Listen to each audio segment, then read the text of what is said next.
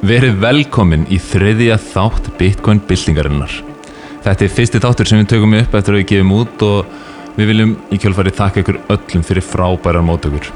En árum við byrjum í dag þá viljum við benda fólki á Telegram spjallsvæðu okkar. En fyrir þá sem ekki vita þá er Telegram spjallforrið og það er einstaklega auðvelt að setja þetta upp og þannig að þú einfallega bara downloadar Telegram í símanum með töluneðinni leitar upp í Bitcoin byltingin og þá ertu komin öllum er auðvitað velkomið að koma og við mælum eindrið með því þar sem umræðin er orðin mjög lífleg og íslenskir hotlerar flikja stað við erum líka á Twitter og Facebook og mælum auðvitað eindrið með að fylgja okkur þar. En í þættinum í dag ætlum við að fjallin um töluna 0 og Bitcoin eða The Number Zero and Bitcoin sem er grein eftir Bitcoin heimsbyggingin Robert Breedlove en þessi grein fór eins og eldur um sinu fyrir réttur um ári síðan þar sem Breedlove líkir uppgötuninni á 0 við uppgötunina á Bitcoin. En með okkur í dag er doktor Helgi Freyr Rúnarsson sem er doktor í eðlisfræði og þar, að leðandi er hann gríðarlega, með gríðarlegan skilning á starfræði hugtökum 1 og 0 óendanleika og til að bæta á hana allt er hann byggunir Já, og þessi grein, hún er svaka stykki.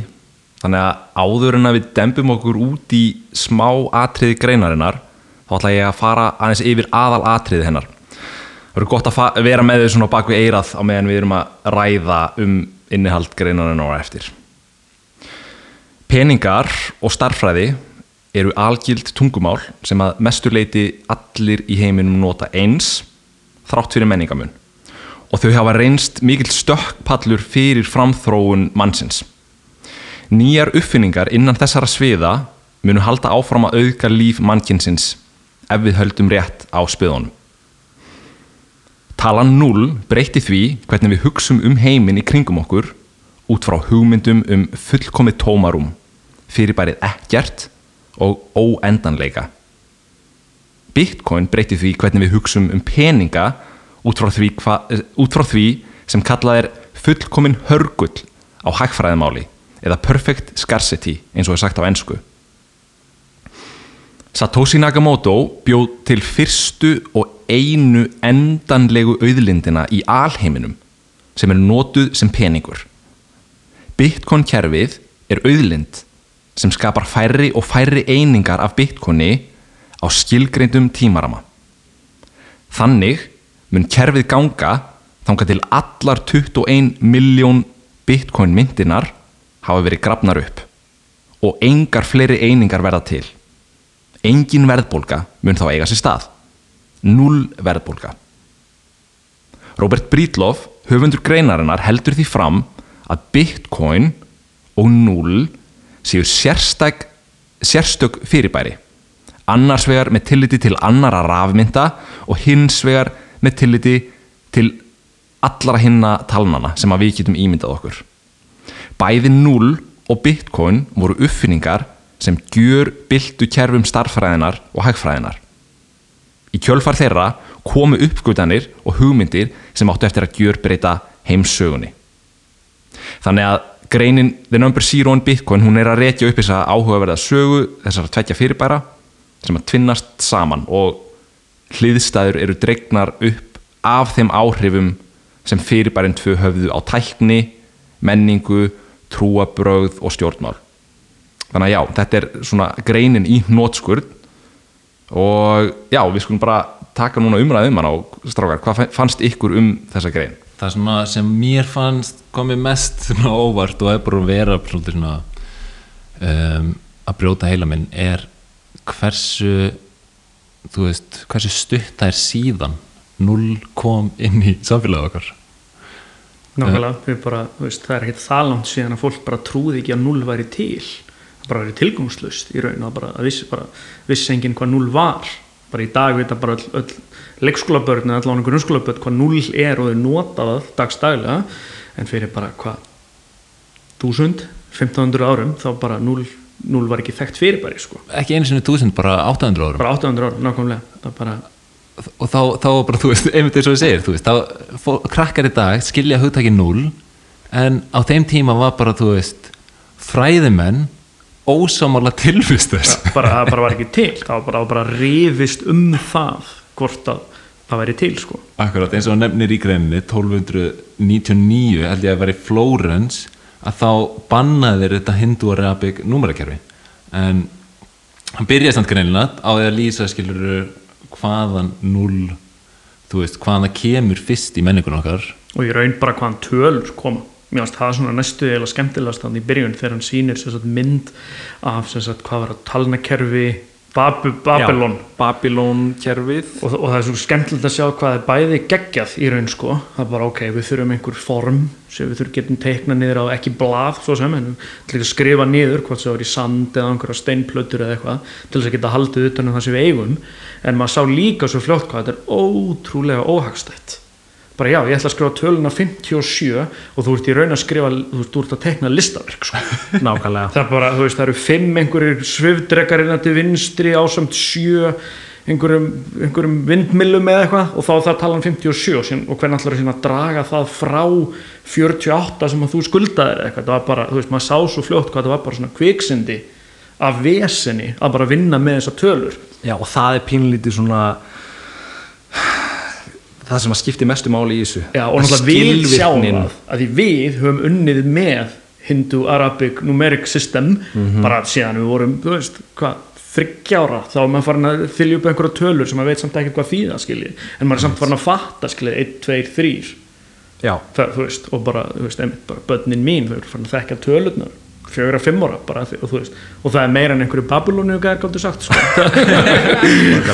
En, en ekki eins og bara veist, bara, að hugsa eins og að þú veist, einhver svona samfélagi eins og forn grikkir Já. sem að við, þú veist, horfum mikið til og, og eins og rómverjar að, að svona svona, svona hátt sett samfélag eða svona, þau eru ekki með tölun og null Nei.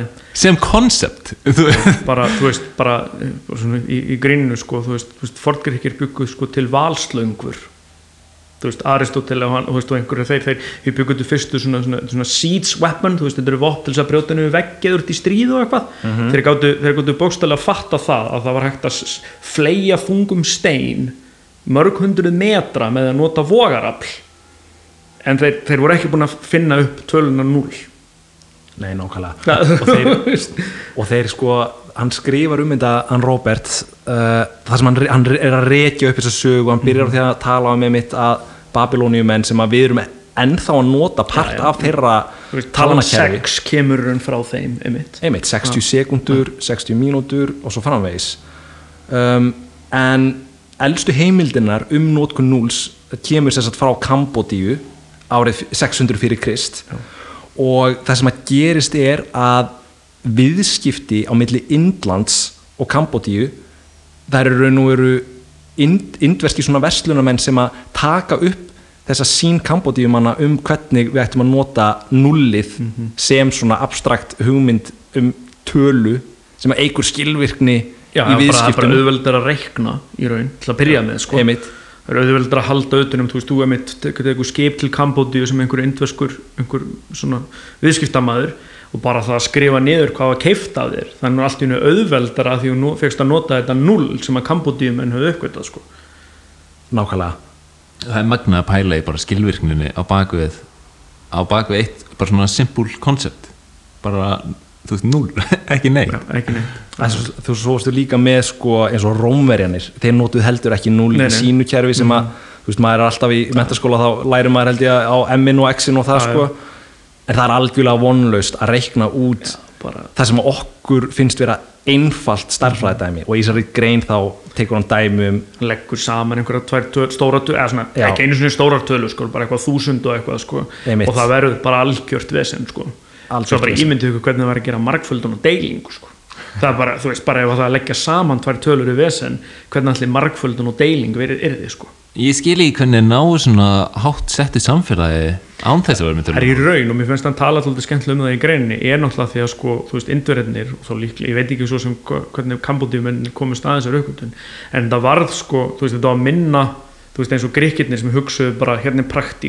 við þurfum tölur til þess að telja hluti og við þurfum tölur til þess að lýsa hlutum sem ég sé með augunum og finn með höndbunum og þá þú finnur aldrei null þú, þú, þú, þú fer aldrei út í búð og nærði eða þú, og þú, þú, þú, þú fer aldrei í viðskipti og farið hérna sjö banana fyrir null af einhverju öðru. Þú notar það aldrei, svo þeir, þeir þurftu í raun ekki og það er það sem í raun er áhvert við það, en indverðinir þetta var meira bara svona næstu því spiritual já, það var, þetta var bara andleg pæling. Bara ef það er til eitthvað þá hlýtur líka vera til ekkert. Nákvæmlega. Og, og þá einhvern veginn eru þeir orðnir spiritual starffræðingar sem er sjá séðan lóksins nót fyrir þetta null einmitt. einmitt. Og það er sko nótin eru svona þú veist í peningalegum í peningalegum hérna uh, skilningi í raun og veru. Þú veist það er þessi viðskipti sem að, keira áfram nótkununa og það er kvót hérna í þessar grein alltaf sem að hefur sérst á mörgum stöðum. Viktor Hugo segir there is nothing more powerful than an idea whose time has come. Og það var barist gegn nótkun og innleiðingu núls í sumum menningarsamfélagum alveg bara í langan tíma. En ja, þrátt fyrir þessi bóð og bönn um þessa hugmynd sem við teljum vera svo einfalda í dag eins og null veist, þau skiluðu sér ekki af því að góðar hugmyndir þær finna sér leiðir til og þess bara að í, ímyndu ykkur að hafa verið starffræðingur árið 1200 eða veist 1300 og þú þarfst að reikna einhvað með rómösku tölunum skiljiði en síðan er bara einhver félagið eins og þú hittur um daginn hann, hann fara nota null og það gengur bara allt miklu betur hjá honum auðvitað ferð þú að fykta við null sko. það, og þetta, þetta er einmitt svo áhverð það þú veist sannleikur skilvirknarinnar er, er, mun alltaf skýna í gegn. Og þannig bara akkurat sama og við erum að sjá með í dag að þetta er bara miklu skilvirkari leið að pening. Og þar leiðandi er bara svona bóð og bönn að fara að gera það sama og það er að banna null Já. þannig að þú veist þótt að gæðinir í Flórens banna 0 1299 að þá þú veist eru bara borgir sem eru að keppa við og bara hakka og, skilur þeir og þeir geta tekið við fleiri pöntunum af, af kveiti skiljiði eða eitthvað þannig að því þeir fá að nota nullið er, er einn fá að nota talnakerfi sem er bara skilvirkara sem inniheldur null og þess vegna er það skilvirkara. En það er líka áhverð að sjá hvernig þetta er bara svona í eðlu okkar að banna eitthvað svona sem er þú veist ég veit ekki um, svona eitthvað svona nýtt. Alltaf þarna var það líka því þetta fór gegn trúnni sko. Þetta sag, sagði þeim einhvern veginn að það væri til ekkert. Og þá, og þá þarf þetta að fara að pæli eða þú veist, við ætlum ekki að tala kannski of mikið um trúabröðina en þá þarf þetta að fara að segja þú veist, það bara ok, ef það er til ekkert þá er Guð mögulega ekki til. Já, ef við fyrir kannski aðeins það- sko, við fyrir, fyrir kannski aðeins út í það því þetta er náttúrulega áhugaverður Já. partur af, af sögu núlsins en já, við þurfum ekki að vera að segja þú- neitt um trúabröð sem að við viljum ekki sko.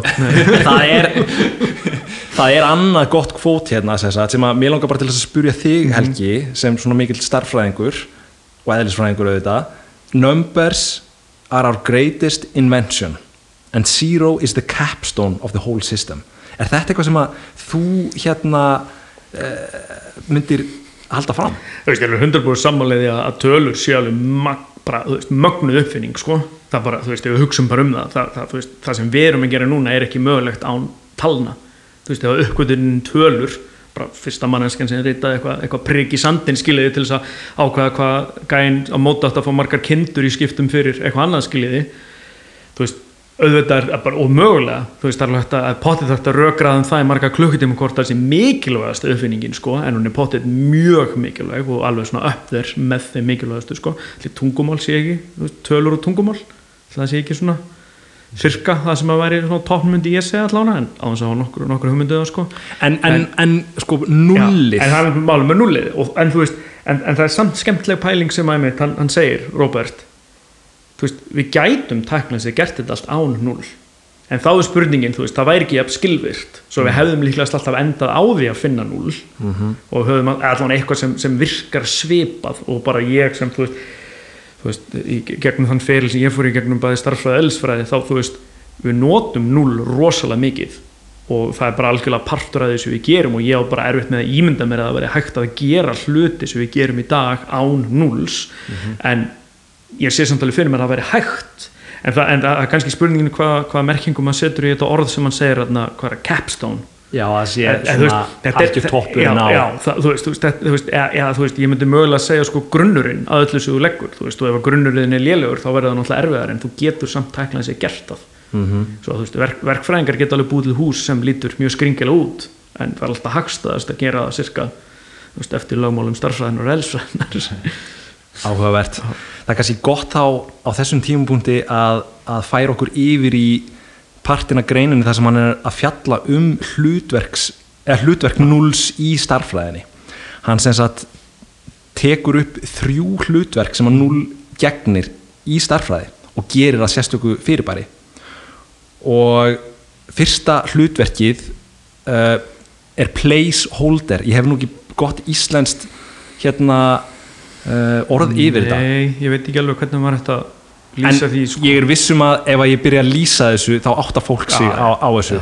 Þannig að tökum bara dæmi um tölu 1104 1104 tugasætið í þessari tölu er aukt þannig að við setjum 0 inn í þessa tölu. 1104 þannig að nullið táknar að tugasætið í tölunni er aukt þegar við sjáum þessar fjórar tölur saman þá sjáum við klárlega töluna 1104 en ekki til dæmis 114 þannig að nullið það gegnir hlutverki placeholder þarna uh, en ekki bara eitthvað sem, að- sem að er ekki neitt. Þannig að með nulli þá getum við skalað upp allar hugsanlegar tölur. Þannig að með því að setja null til dæmis inn á milli talna þá breytist hugmynd okkar um hvað talan táknar og Robert hann segir að líkir þessu hlutverki nulls, placeholder hlutverkinu við hugmynd sem kemur úr hagfræðinni sem að kallast store of value. Uh, þar sem að sem sagt, því fleiri null sem að þú ert með í tölunni þinni í hagfræðilegu hérna, samhengi því herri peninga upphæð táknar svo tala. Að sama skapi og meiri harðari peningur leiðir til meiri sparnaðar sem leiðir aftur til meiri fjárfestingar og skilvirkni í samfélaginu þá hjálpar placeholder hlutverk nullsins að skilgreina upplýsingar með hærra valjúi sagt, fleiri null eru hærri, hærri tala, hærra valjú og hún gerir það án þess að taka of mikið pláss með einföldum og skilvirkum aðferðum. Þannig að bæði þessi konsept út frá starffræðilegu sjónarhóli og hagfræðilegu sjónarhóli þá eigur nullið framleiðinni og skilvirkni í þessu sagt, placeholder hlutverki. Þannig að þetta er pínlítið stórt konsept til að ná tökunum á en þetta er svona lýsingin hans og samlíkingin en þetta er bara aftur, ef við berum þetta aftur saman við, þú veist, ímynduðu ykkur að skrifa þessa tölu sem þú nefndir, 1104 í kerfi Babilóniu manna það væri, það væri, það væri erfitt. Það, þú veist, það bara, þú veist, maður, þú veist það, þú ert fullt af mismunandi táknum og ert að gera fullt af mismunandi hlutum en í, í þú veist, þegar við erum komið með nullið þá er það bara, þú bætir einu nulli við skiljiði, það, þú veist, það er, er ekkit erfiðar að skrifa 1104 heldur en 114 eða 14, þetta er bara, þú veist, þetta eru bara tölur og þú getur í raun tákna, náttúrulega ekki eins og stóra tölu þú vilt með til dæla fáum táknum. Og það er það sem er svo geggja við þetta. Og mér fannst svona, þú veist, ég var að vona að myndi tala um það í greininni en náttúrulega þú veist, talan 1104 ég, ég er alltaf að reyna að kenna börnunum minn með þetta en þau eru ekki alveg byrjað að pikka þetta upp sko. en þú veist, tölur eru náttúrulega bara sko framsetning á jöfnu. Svo 1104 þýðir bara einn, fyrsta talan sinnum 10 í þriðaveldi eða 1000, sem er 1000 veldið okkar. Næsti ás þýðir 1 sinnum 10 í öðru veldi.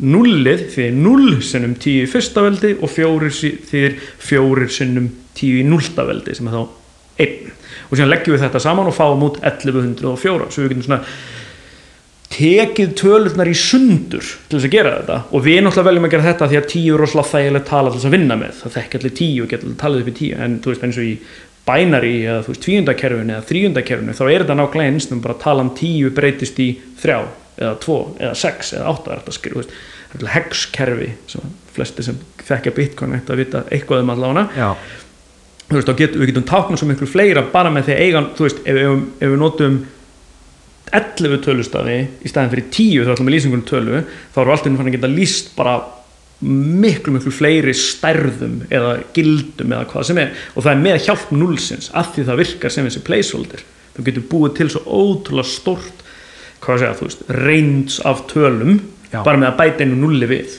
Það er einfaldasta aðgerð í heiminum að setja bara eitt null einhver staðar og þá er þú alltaf búin að tífalda eða þúsundfalda eða hundrað þúsundfalda valmögulegan á því sem þú vilt gera hvort sem að það er, og bara sem dæmi var að lesa um, veist, um veist, hvernig þeir búa til private keys og allt það fyrir bitcoin.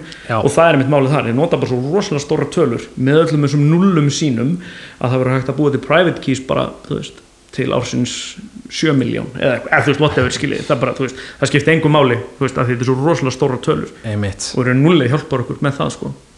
Og út frá bara kannski aftur þá Já. svona, þetta nákvæmlega nema frá hagfræðilegu sjónarhorninu sko, mm. peningar peningar eru miðill fyrir fjármagn Já, ok, Fjár, þessum peningum er svo styrtað inn í endalösa ringrás hagkerfisins okkar sem að fer síðan inn á hinn frjálsa markað og hún end, peningan er enda alltaf á hagkvæmustu stöðunum að hverju sinni Já. þannig á efnahagurinn okkar að virka samkvæmt hugmyndin. hérna hugmyndinni sko.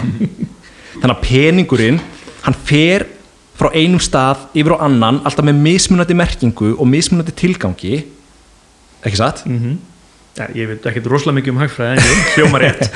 En að sama skapi þá gefur þetta placeholder hlutverk núlsins okkur endalösa möguleika á því að nota þessar tíu tölur Já, aftur og aftur og aftur með mismunandi merkingu og mismunandi og í tilgang. raun í báðar áttir líka þú veist eins og ræðum líklegast meira á eftir en þú veist, öll þessi skipti sem að þú veist 2-0, það verið tekin af einhverjum peningum og eitthvað svona þannig. Það er, það er að því að 0 get, gerur okkur klift að gera það, ég myndið ykkur öðru með rómverskar tölur og allir væri að telja peningarna sína hvort það veru dollarar, efurur, krónur eða whatever í rómverskum tölum.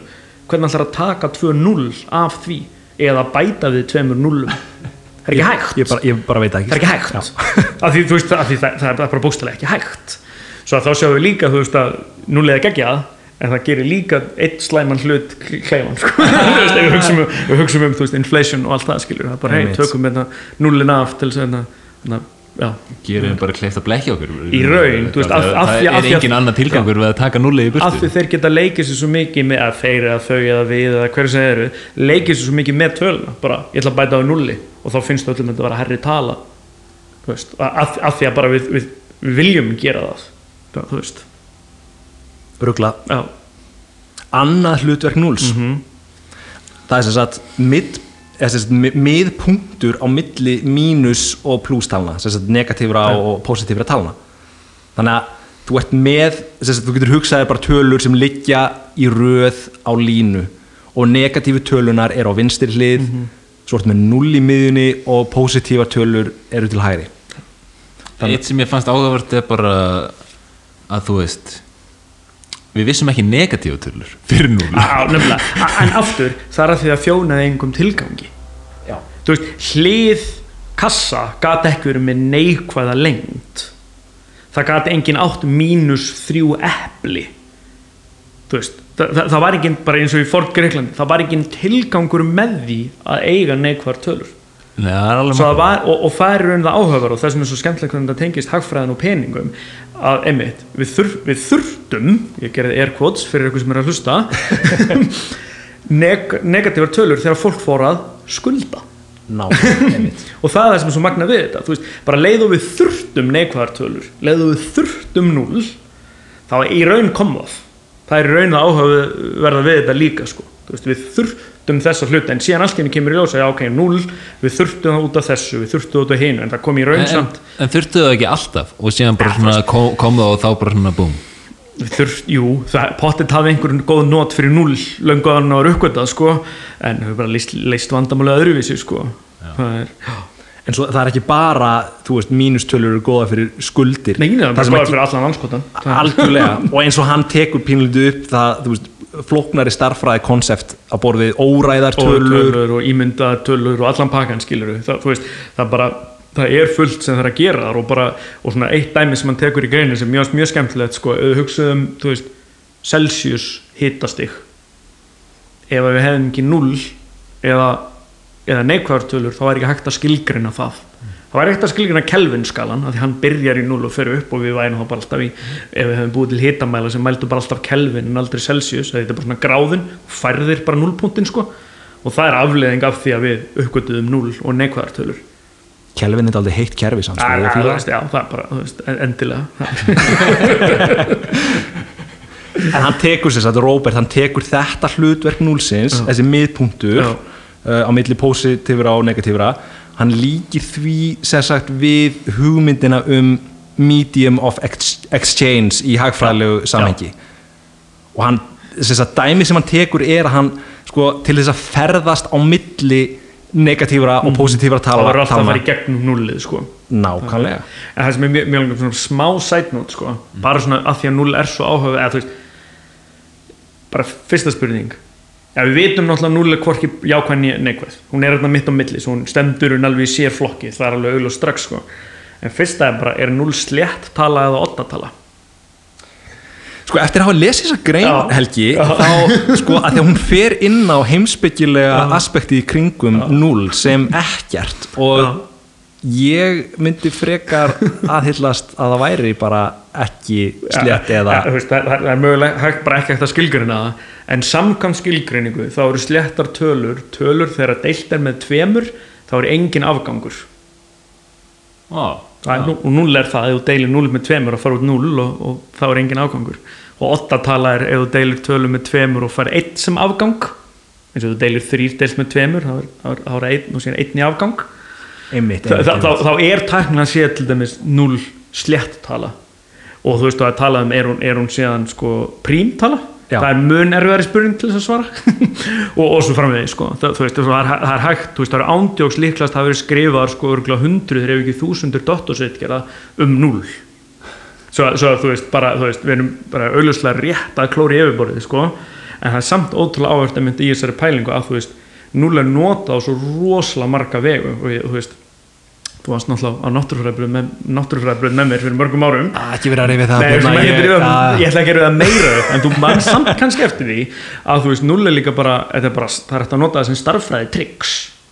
Ok, ég ætla að leysa einhverja jöfnu og er, þú sér enga leið til þess að leysa þannig og bara svona þekkt tricks sem eru bara kent ég man ekki hvenar það er kent er að þú getur alltaf bætt við nulli. Svo segjum við sér með jöfnu sem er A jaft og B en það er engin leið fyrir það einfaldana svo þú skilur ekki þetta í henni. Stundum er þetta náttúrulega tricks þar sem þú segir hún öðrum meginn við jöfnuna plus C mínus C sem er þá bara C mínus C sem er 0 en síðan getur einhvern veginn þáttað og einfaldað þá B plus C og þá færðu út eitthvað svona flokknara dót sem einfaldar jöfnuna nógu mikið en þú plusaði samt bara 0 svo ef við höfum aldrei lært 0 þá höfum við aldrei getað gert það. Og síðan eins og þarna er ekki þriði punkturinn með, með brotin jú, já, nákvæmlega. Null, sem sagt breytir tugabrótum yfir í hlutvöld já, nákvæmlega. Og það er hérna, við þekkjum öll tug, tugabrót, þú veist, bara einfalt dæmi þú ert með einn á móti tveimur og það táknar hál, hál, hálfan og þú getur breytt því yfir í hérna, hlutfall sem sagt 0,5 og þetta var mjög, mjög, mjög, skemmtilega punktur. Ég hafði raun aldrei eitthvað pælt það mikið í þessu af því að þú veist, hann segir einmitt ok hugsaðu um brotið þrýr fjórðu þrýr á móti fjórum. Hvernig, hvernig hugsið þið um það? 75% Nákvæmlega, 75% Svo við erum algjörlega föst í því að hugsa um þetta sem 0,75 -hmm. Þú veist, þetta er, þetta, er, þetta er prósenta af heild þetta er hlutfall af einhverju hundraði eða tíund eða þúsund eða eitthvað þannig. Svo við sjáum það fyrir okkur, þú veist, margir sjá líklegast fyrir sér einhverja skífu og það búið að taka eitt fjórað úr henni, eða hvernig sem það er. En hann fór að útskýra, ímyndið ykkur að vera til áður en að 0 var til og núna þurfum þið að pæla í þessari tölu að því, að því bro, að, mér varst það magna líka ég vissi það ekki brot voru til áður en að 0 Var það? svo, allan, svo mjög hann segi það sko. Já, Hann- eða sko, einmitt eins og uh, hverju voru það, það voru Egiptanir sem að notuðu já, brot Já, þeir raun, notuðu sko. brot já, þeir, þeir gerðu voru- allt út frá formónum sko. Já, þeir gerðu allt út frá já, já, formónum já. sem að segja forn gríkinir skrifuðs niður sem líka. þá tölur eða hvað sem maður vil kalla það sko. en það er bara svo áhvert að þeir hugsuð og það er talað um, þeir hugsuður en ekki um þrjá fjórðu sem þrjá fjórðu þeir hugsuðu um það sem hálfur pluss einn fjórði að því það er einhvern veginn auðveldar að graspa það fyrir þá Há- hálfur einn en ekki 0,5 já, já, já, þú veist, já svo, svo þú veist, þá gáttu þeir ímynda sér ok, ef ég er með þú veist, einhvern fjölda af einhverju, ég get ekki helmingin af því og síðan get ekki einn fjórða af því og ég get lagt það saman og þá fæ ég út þrjá fjórðu. En við í dag hugsaum bara, já, þrýr fjórðu það er bara 0,75, svo ef ég er með 100 hluti þá tek ég 75 hluti frá. Eða reikna það einhvern veginn öðruvís út. En þau þurftur en alltaf að taka brotin sín hvort sem það var þrýr fjórðu eða 78, 90 og þátt að það niður í alltaf einn á móti einhverju, svo er svona brutu það niður í svona frum þætti og þannig gátu þeir sem plúsað saman. Og þá komum við bara aftur á uppáðspunktin akkur þurfum við núl að það einfaldar allt þetta dót. Einmitt. bara ímyndið ykkur að það reikna allt svona. Bara já, hérna ég er að vera að kaupa nýju tíundu af, af, af epli. Já, tökum þetta bara inn í Bitcoin. Að þú veist, ímyndaður vera að gera einhverja hagfræðireikninga Já. með bara pening sem er bara að vera að prenta út þú veist, í gigantísku magni veist, og e- svona ever increasing skilur bara magni að hvernig átt að fara því að gera eitthvað svona heilsta efnæðisreikning og ekki eh, hagfræðireikning og ekki bara þú veist einhverjir hagfræðingar að gera þessa reikninga heldur hvernig átt þú sem einstaklingur bara að gera þig grein fyrir til dæmis tækifæriskostnaði Já. á fjárfestingum eða á kaupum á hvað sem, hverju sem er. Af því að þú veist, það er svolítið áhugavert að taka, þú veist, bara svona tækifæriskostnaður og bitcoin og að þú veist þú gerir þér ekki grein fyrir tækifæriskostnaður um einhverju sem þú keftir þér 2015 fyrir 5.000 skall en hefur mælt það í bitcoin og, og sé bara já, það er, þetta er ekki satt og þeir eru það mikið það, þá gerir þau bara sérðu nákvæmlega tækifæriskostnaðin þannig að þú veist, skilvirknin bara fyrir þig sem einstakling að hagræða og spara og gera það sem þú þarft að gera til að þú veist, þú veist komast af þá til á morgun skilur er bara, þetta er gigantíst og þetta er bara svona super líkt null, nulli Já, þetta er mjög áhugavert. Sem sagt, með þetta hlutverk samt bara til að ná tengingunum við einmitt hagfræðina út frá því sem að Róbert er að segja veist, hann, hann líkir þessu sagt, eiginleika núlsins að geta breytt tugabrótum yfir í hlutföll við unit of account eða reikni einingu sagt á íslensku. Og þetta er sagt hag, hagfræðileg hérna, hagfræðileg hérna, hagfræðilegt term. Um, og hann tekur einmitt dæmi um veist, hvernig er maður að skipta á einhverju þegar maður er að nota hlutföll. Þannig að þú tökum bara dæmi veist, við getum sagt að þetta hús kostar 11 bíla. Eða að þetta hús kostar 44 miljónir sem er jaft á við verð 11 bíla sem kostar 4 miljónir 11 sinum 4 eru 44 ekki satt? Þannig að þú veist þetta hjálpar fólki og þú veist, ímyndi ykkur bara svona way back in time skilur eða langt aftur í tíman og betri íslensku. Þegar þú ert hænsnabóndi og ert með ekkiðin og ég er að hérna, búa til smjör og þú veist, við þurfum að finna út leið til þess að eiga í okkar viðskiptum. Þannig að ef að við erum með einhvern svona sameinlegan unit of account, reikneiningu veist, það hjálpar okkur mjög mikið og við getum bara drifið okkur heima að fara að búið til meiri egg og, og, að því, að því sérstaklega líka þú veist að því að, að, að hænsn eru náttúrulega ekki þú getur ekki bara eitthvað, heyrðu, þú ætlar að fá hérna þrjá fjóruður hænunum minni. Þú verður alltaf að hérna, þetta verður í raun alltaf að vera gert í brotum í raun ef við hugsaum um það þannig sko. Þú ert alltaf að fá þrjár hænur fyrir 17 einingar af smjöri en þannig mynd ertu komið með eitthvað sem þú getur brotið í raun og sérstaklega við förum yfir í óræðar tölur og allt þannig, bara eins mikið og þú vilt niður sko. Hvað eru óræðar tölur á þér? óræðar tölur eru tölur sem er ekki hægt að tákna sem almennt brot. Að bara tala sem er ekki hægt að skrifa sem einhver tala deilt með annari tölu. Svo pi er til dæmis óræði tala. Það er ekki hægt að ja, sem við eftir síðan bestu vitum.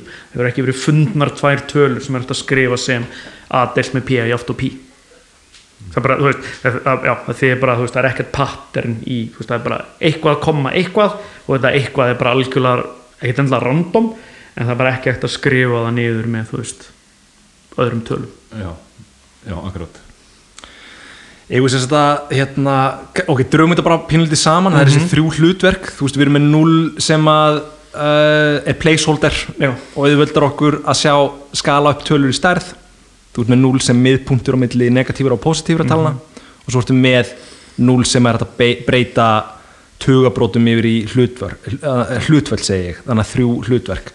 Og áður en við förum aðeins dýbra út í hvað þessar sagt, þessi hlutverk hvaða afleiðingar þau höfðu í raun og veru veist, þá bara er hann að fara að segja Robert Breedlove segir setna í greininni að uppfinningarnar og uppgötanir sem að urðu til vegna þessara hlutverka núlsins þær urðu til þess að þú fjækst byltingar á miðöldum eins og sko endurreisnina og síðaskiptin og upplýsingaöldina sem að urðu til þess að kirkjan misti völdin sín. bara, þú veist, mér finnst alltaf best að hugsa um þannig. Bara ímyndið ykkur, ef að Galileo og Galilei og Leonardo da Vinci hefðu þurft að nota rómörskar tölur til þess að reikna bara, veist, bara allt sem þeir reiknuðu bara, þú veist, da Vinci var að hvað búið til einhverja svifvængi og einhver, þú veist, bara fullt af hlutum sem að notaði starffræði, eðlisfræði og efnafræði til þess að reikna út. Og það auðvelda honum að vera með núl að vera með, þú veist, hindu og arabísku tölunar Þetta virðist vera að þú veist núlið kemur það að var neistinn sem Já. að þú veist, ge, þú veist hefði, þetta, hefði þetta gerst að lokum? Mögulega, þú veist, við vitum það ekki af því það gerðist ekki þannig en Þetta virðist samt vera svo auglöst koncept bara svona leið og við náðum því þá bara búm þá það, verður augljóslega einhver svona einmitt, neisti sem kveikir einhver á stað og ítir einhver á stað sem, og hvort sem hann hafi verið þú veist, ástæðan fyrir því að gerðist eða bara einmitt kom því, þú veist, kom því af stað hraðar og allt það, það þú veist, kannski skiptir ekki öllu máli. Akkurat, það er mjög, mjög áhverð þegar fór- tók fyrir grein og var að tala um list, þú sást það bara strax í list. Já, einmitt. Að, hérna, að það var bara the vanish point. Og þú sást hann allir í þrývít þannig að, list fór allir bara úr svona tvívít yfir í þrývít að því að að nullið er í raun ekki bara að tala. Þetta er líka bara svona spiritual eða þú veist allavega huglagt konsept um að það sé til eitthvað og bara einmitt í myndlist. Það er hægt að vera með hlut í myndlistinniðinni eða skulptúrniðinu sem hefur enga vitt sem eru null sem er mitt, það sem er kallað þá vanishing point sem er einhver punktur það sem er svona allt aldrei stefnir að í myndunum sem er mjög skrítið að lýsa því í podcast er að lýsa málverki. Best bara, bara að googla þetta sko. Já, ég er bara líka fínt bara að draga upp greinina Draga upp og, greinina, vera, hann sýnir þetta og, nákvæmlega og, og þar. fylgja með að það eru mikið að góða myndum sem að þú veist æfa sér ná að þessu. teikna svona með vanishing point. Já, akkurat. Þannig að En þetta segmentar okkur pínlítið yfir nákvæmlega í næsta partin af greininni sem að er algjörlega mind-blowing og það er sagt uh, hugleiðsla, tómarum, null og óendanleikin og eitt kvót hérna sagt Zero and infinity always looked suspiciously alike. Multiply zero by anything and you get zero. Multiply infinity by anything and you get infinity. Dividing a number by zero yields infinity. Dividing a number by infinity yields zero. Adding zero to a number leaves it unchanged, but adding a number to infinity leaves infinity unchanged. Charles, Charles Safe skrifaði bók sem heitir Zero, a Biography of a Dangerous Idea og hann fer í þessari bók held ég pínlítið yfir það sem er eiga sér stað í austrætni heimsbyggi og hvernig þeir voru að hugsa um null allt öðruvísi en það sem að hinnar svona vestarannu, grikkir og rómverjar voru pínlítið bara svona að við viljum ekki vera snert á þessum nulli en sem sagt í austrætni heimsbyggi þá voru þessar hugmyndir um null og óendanleika ímyndaðar í ástandi þar sem að algjör tómarum getur orðið mögulegt í gegnum hið óendanlega. Stundum er talað um þetta sem infinite awareness hjá þeim sem að upplifir hið fullkomna hugleislu ástand. Veist, það er hugleislan, buddhismin og, og hérna jógafræðin og, og indver, indverjar sem að eru að eksperimenta með hugleislu og hvernig þið ná þessu svona nirvana ástandi þá eru þeir komnir inn í þennan óendanleika og þá er þetta konsept allt í einu orðið bara já já þetta er bara þetta er auðvitað partur af meikar lífi. ekkert sens. Bara auðvitað, auðvitað meikar sens að vera núna með tákn sem táknar ekkert. Og, það- og, og það er líklega eða, þú veist, eitthvað að setja sig í spór þessara manna þá hefur það einmitt líklegast verið bara kveikjan. Þeir fatta að það er, það er til eitthvað sem heitir ekkert og það er til eitthvað sem heitir óandarleikin og þá getur við síðan, loksins, síðan þegar þú fer í tíma í skólanum daginn eftir ótt að gera einhverja starffræði hvort sem það hefur verið þannig eða ekki þá bara já ok, hvað ef ég er með einna tákn sem táknar ekkert í jöfnunni minni? Einmitt. hvað ef ég, er, ef ég er að telja hérna og þú veist, aftur pælum í þú veist, viðskiptum hagfræði. Ég þarf, þú veist, þú skuldar mér eitthvað. Hvernig borgu þér tilbaka, jú, það er ef að summan verður null þú veist, svo við sjáum að við getum, þú veist, þetta er orðið einhver svona balans og eitthvað svona þannig sko. Tengingum við óendarleikan er alltaf, þú veist fyrir mér er hún alltaf bara 100% starffræðileg þú veist, óendarleikin er alltaf bara hann, hann er skilgreindur í starffræði hann er ekki eitthvað sem þú bara ímyndaðir hann er bara vel skilgreindur, það er bara hægt að reikna með honum og það eru með að mismunandi tegundir óendanleika í starffræðinni sem eru bara mismunandi skilgreinda þú veist, teljanlegur óendanleiki og óteljanlegur þú veist, hérna, óendanleiki.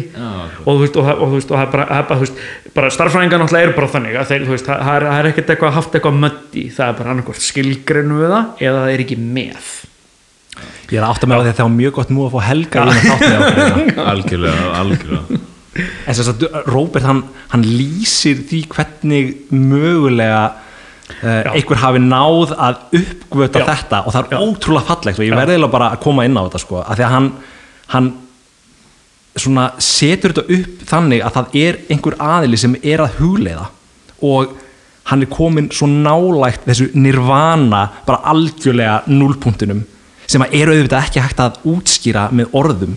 En þegar hann er nálægt þessu nirvana ástandi þá sér hann leifar af sannleikanum um þennan óendanleika.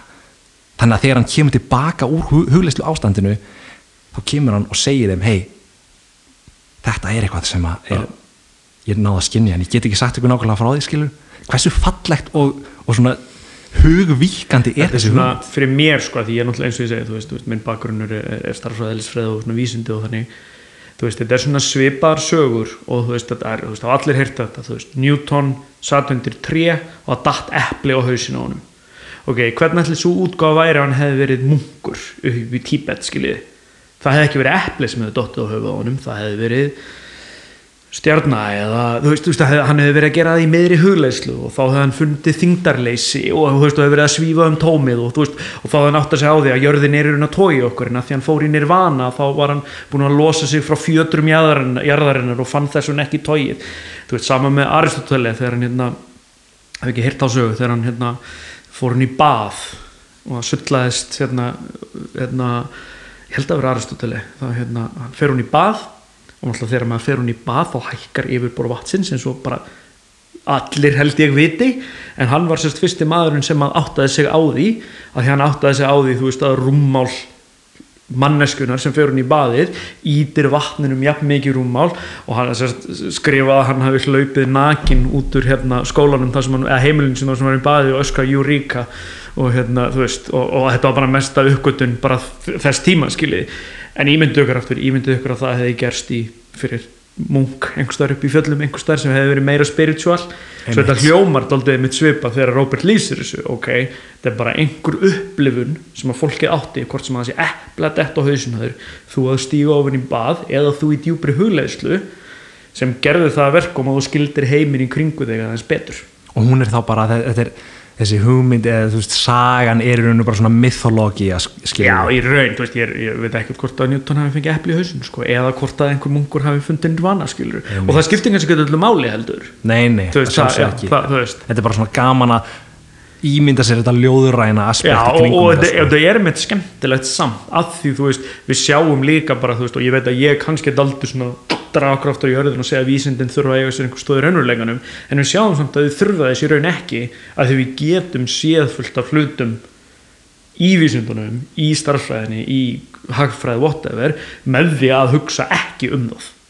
Með því að huglega bara með því að gera eitthvað annan veist að það er bara rosalega algengt að fólk sem er í svona þessum pælingum geri aðra hluti og fáir inn hugmyndarnir þar.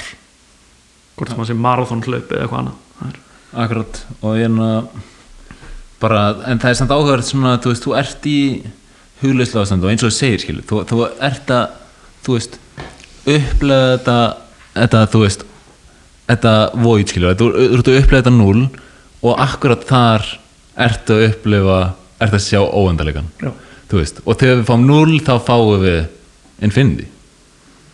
Já, ég man ekki alveg hverjar, þú veist, hver, hvenar það kemur síðan beint inn sko, veist, inn, inn í starffræðina alltaf þú veist, það er örugglega búið að tala um óvandanleikan lengi í einmitt hinduisma og búddisma og öllu þannig sko, Akkurat. en ég veit ekki hvernig það kom inn sem þú veist, er, er erfitt að kalla óvandanleikan tölu það var allavega að tala um í greininni að sko þegar þeir fundu upp sagt, negatívar tölur Já. að þá var allt í hennu komin grundvöldur fyrir kalkulus Já, sem að gæti, er, er, veist það, ég er náttúrulega í fjalli starffræði Já, undir já. á þrý skilur en, guðmingu, nei, svona en hérna, hug, hugmyndi með kalkulus er samt að þú ert með óendanleikan inn í þú eitthvað þannig eða hvað? kalkulusinn feririnn bara, veist, hann hann í raun kennir okkur hvernig við höfum að díla við óendanlega litlar tölur svo að þú veist, svo að bara ímyndu ykkur að þið ætlið að finna flatarmál undir einhverju formi sem er ekki bein lína. Svo að þið teiknið einhverja Mm, kurvu einmitt, eitthvað og þið ætlið að finna flatarmálið undir því.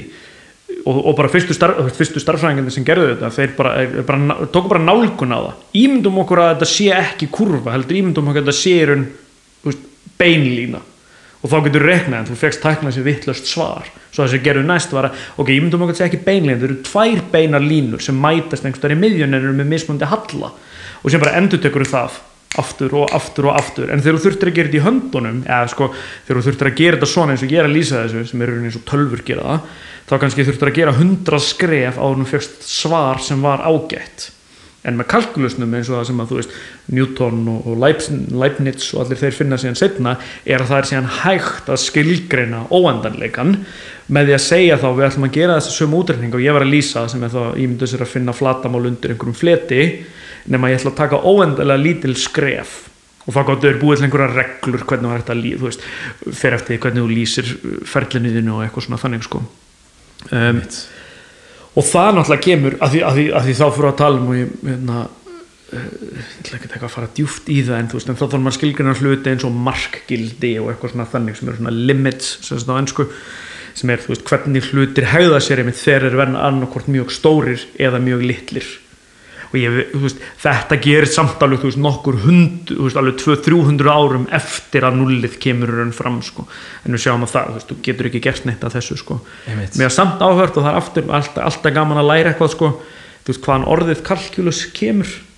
Já, það, það er, latneska heitið yfir steinana á, hérna, abakusnum. Abakus er hérna hvað er það á íslenska aftur? það er talna band talna, já, talna bandi Já. eða svona, þú veist, það er sérna spýtugrind sem er með einhverjum mörgum steinum á og þú gast hugsa þá að fyrsta röðin er kannski einingarna þínar, önnur röðin eru tuginniðinir og hundruðin svo þú gast í raun skrifa tölu og reiknað með tölum á svona abakus og í greininni Já. þá er hann einmitt að tala um að þetta, hann talar um þetta fyrirbæri sem að abakusið er Já.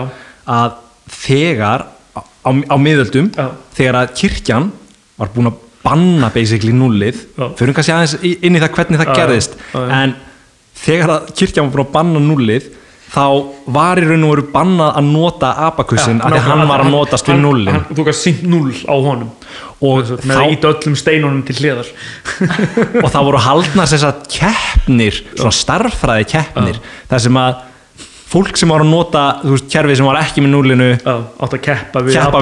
og hann var bara, þú veist gerði þetta bara eitt fyrir bingo skilur þannig að skilvirknin var hann komin inn Já. og hún í raun og veru vann vinnur að sko. lokum sem sko. er samt síðan svo geggja því síðan setna meir, þú veist, það notar engin abakus lengur sko. nú, ekki, Já, nú, býtu Já, þú veist öruglega einhver, einhver staðar skiljiði en bara, þú veist, það er engin í fyrsta bekk að læra að leggja saman með abakus af því núna erum við með bláða blíjand eða bara síma eða bara síma, eða, eða bara heilan í okkur skiljiði, við erum bara búin að skilja kerfið sem við byggum til þarna, eða við forföður okkar og eitthvað það er ekki allir doktorar í, er hérna, sko. þú veist, allan að bara, þú veist við, við kunnum í raun bara að kenna þetta þannig að bara heilin okkur ráði við það sem er mjög áhört að heilin okkur hefur ekki þróast neitt síðast liðin 800 ár bara ekki neitt, sem sýnir bara hversu skilvirk þetta koncept er nákvæmlega, bara, bara betra konsept sem er kent betur og betur og betur og þá getur bara næstuði hver sem er lært að leggja saman tölur sem að voru bókstala haldar keppnir í að gera fyrir 700-800 árum. Mér finnst það að þetta er svolítið svipað við Bitcoin skilur af því að þú ert með, þú veist, koncept sem er svona frekar einfalt í grunninn. Þú veist, það er 21 miljón bitcoin, það verða ekki til meira og því er við, þessari, þú veist, því er við haldið. Og, og það er svolítið flókið að fara af það en, en í grunninn er það koncept ekkert svo flókið en legur farin skilur að reyna að hugsa það út frá kerfinu sem þú skilur í dag þá er það eiginlega ómulvægt þannig að svona svipað skilur þú veist, krakkar get í dag í, þú veist, skilið konseptið 0 en þú veist, fólk að heimtíma bara því að var búið að svona fyrirfram beður hugmyndir það var bara svo ógeðslega erfitt að ná utanum, þú veist, þetta einmitt. Nákvæmlega. Sko, hann skrifar um það er alveg í, löngu máli þar sem hann er að rekja upp sögu núlsins í, sessat, í vestarænu menningunni Já. við erum pínlítið búin að vera að tala um þetta með Rómveri og Grikki en bara svona til að fara hratt yfir sögu þá uh, taka forn Grikkir upp talnakerfi frá Egyptum Já. sem horfðu rosalega mikið á tölur og starffræði út frá formunum. Já, bara rúmfræði í raun, ef við hugsaum á þannig þeir nota starffræði sem rúmfræði. Það var ekkert það mikið af öðrum greinum. Það var raun, ef við hugsaum á talnafræði sem er bara tölur, numerics og sem rúmfræði. Og ef við hugsaum það, ef þú ætla bara að telja hluti sem eru til í raunveruleikunum eða mæla stærðir hluta þarf ekki null einmitt. Þú veist, bara, bara við hérna erum inn í íbúð. Mæliðu stærð alla hlutana eða inni? Þið notið aldrei null teljiði hlutina eða inni? Nokkar aldrei null svo Þar við sjáum málið. aftur að bara ástæða þess að eru að nota tölunar þú veist bara kerfið þitt aðlaði sér náttúrulega bara að því. Þetta var bara það sem að fordrykkinu voru líka að segja þú veist, eh, hugmyndafræðin var þannig að það er ekki til Nei. neitt ekkert. Já. Það er ekkert núl, það er ekki tól til þess að gera þetta og þar er engin tilgangur fyrir null svo að við bara neytum því að nota null mjög svona close minded en násamt, þú veist, þvílíkt fullkomni kerfi. og bara svona, svona önri hluti já, svona, og öll þessi form sem þeir áttu sig á og þessi grunnform bara, þú veist, alheimsins eru bara svona það er, það er ótrúlega hvað er ná þessu kerfi bara, þú veist ég ekki því að perfect, en þú veist, að manni finnst, skilur Já. Fyrir utan þetta simple concept.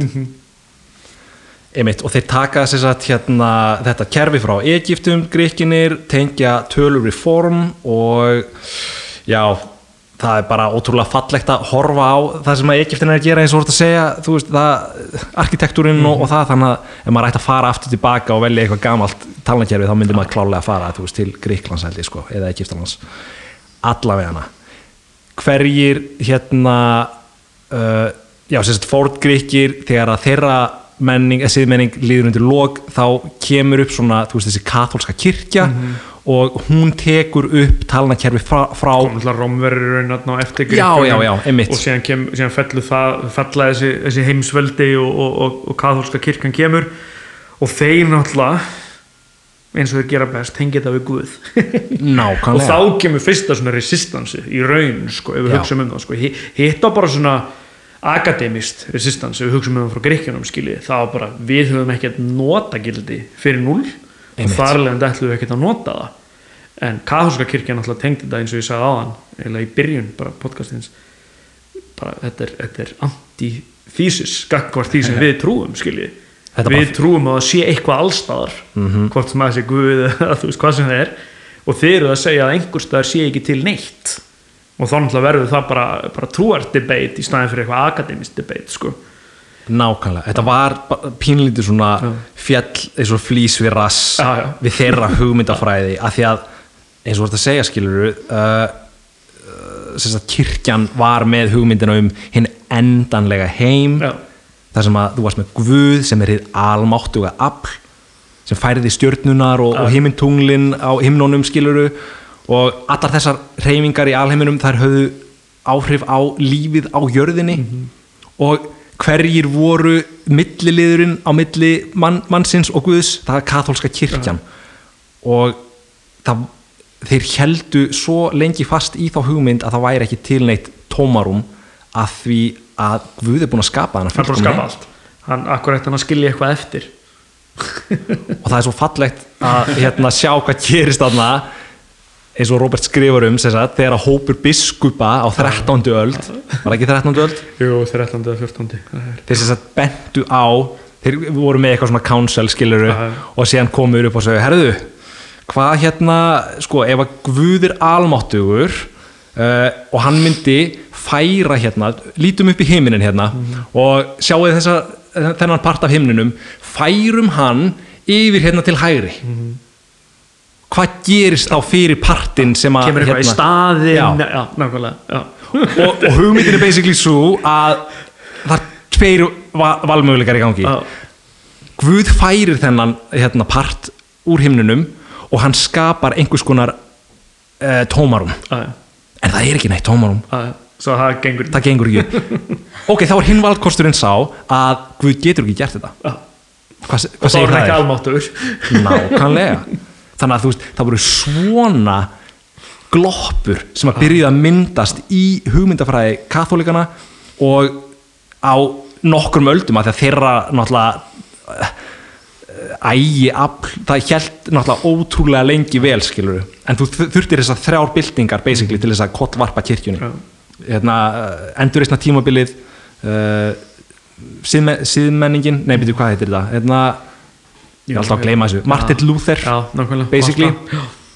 Og svo ertu með uh, öldu upplýsingana það sem komum með Newton og, og þeir eru byrjað að búa til kalkúlusin sem að verði til þess að við getum farið að búa til flókintæki yðnarbyltingin er allt í hennu komin. Hvað gerist hundra árum setna búm, tölvan er komin. Ok, og hvað gerir síðan? internetið. Og hér sitjum við í dag og við erum að búa til þetta podcast. Crazy. Taka sem þetta og við erum basically búin að rekja þarna upp sögu núls, og hvaða afleiðingar uh, uppgötanir í kjölfar núlsins. Og, og þetta er náttúrulega ekki einu sinni nálætti að vera tæmandi listi sko. nei, nákvæmlega þetta er bara svona stikla á stóru sko. það, þú veist Ég verði vikina bara að fyrir, fyrir þetta þá bara svona hafði ég ekki gert mér grein fyrir Nei, þetta bara er nefnilega svo magna því maður, maður bara einhvern veginn heldur auðvitað null að við notum null og þú veist maður, maður læri það í starffræðinni og það er bara þarna og það táknar ekki neitt punktur, bara done en það er eins og, bara eins og við sagðum byrjun það er tildulega stutt síðan koma sjónaspilið sko. Það er, og það er áhverjast hvernig Bitcoin svona þú veist, færi mann til að hugsa allt upp á nýtt út frá fyrstu lögmálum bara svona af hverju þú veist, hvaðan kom null mm -hmm. eða þú veist svona, og ekki bara null, þetta er bara önnur koncept skilur sem að byrja einhvern veginn endurhugsa út frá skýrar sjónarinn fyrst manni. Mhm. Ef við ekki bara færa okkur yfir þá í tenginguna við Bitcoin. Þetta er náttúrulega Bitcoin podcast Við, við erum svona klukkutíma um null en það eru búin að vera náttúrulega þessi hlutverk hérna, hlutverk núlsins sem við tölum um áðan þau byrja núna að skipta pínulítið máli. Og en bara að því við vorum að enda á því að tala um hvernig núl hafði áhrif á fall kirkjunar þá eru líkindin við Bitcoin basically þau að núna, þú veist er Bitcoin að stuðla að falli seðlabankana sem að stjórna hennu almáttu að fyrirbæri sem að við trúum öll á í dag og það eru peningar. Þannig að við erum basically byrjaði að riða til falls. Já, í alveg tala sko, að því að sko Bitcoin er að berskjalda þessar kenningar Keynesian hagfræðiskólans sem að stjórnvöld er að nota í dag til þess að réttlæta notkun á þessu skattaða peningamódili sem er í gangi í dag og gengur út á endalösa peningabrentun þannig að peningamódelið sem kallar eftir þessum endalösa hagvexti á endanlegu plánetinu okkar þetta gengur bara ekki upp þetta er snar vitlis hugmynd. Og hún er að mistakast fyrir framann augun okkur. Það er bara ertu með opin augun til þess að sjá þetta? Og þetta er það sem þú ert að segja Ívar þú veist, maður þarf að horfa á þetta út frá þessum first principles þar sem að maður bara horfir út á þetta út frá hérna, eins og maður sé verkfræðingur. Bara af hverju er þetta svona? En af hverju er, af hverju er þetta svona? Já ok, ok, ég skil þetta en þú veist, hvað með þetta? Þannig að við getum haldið áfram endalaust að fara niður í viðfangsefnin og bitcoin fólk er pínulítið búið að koma staði að þetta, hús sem við erum að byggja hérna, þetta hagkerfis hús á jörðinni, það er byggt á sandi.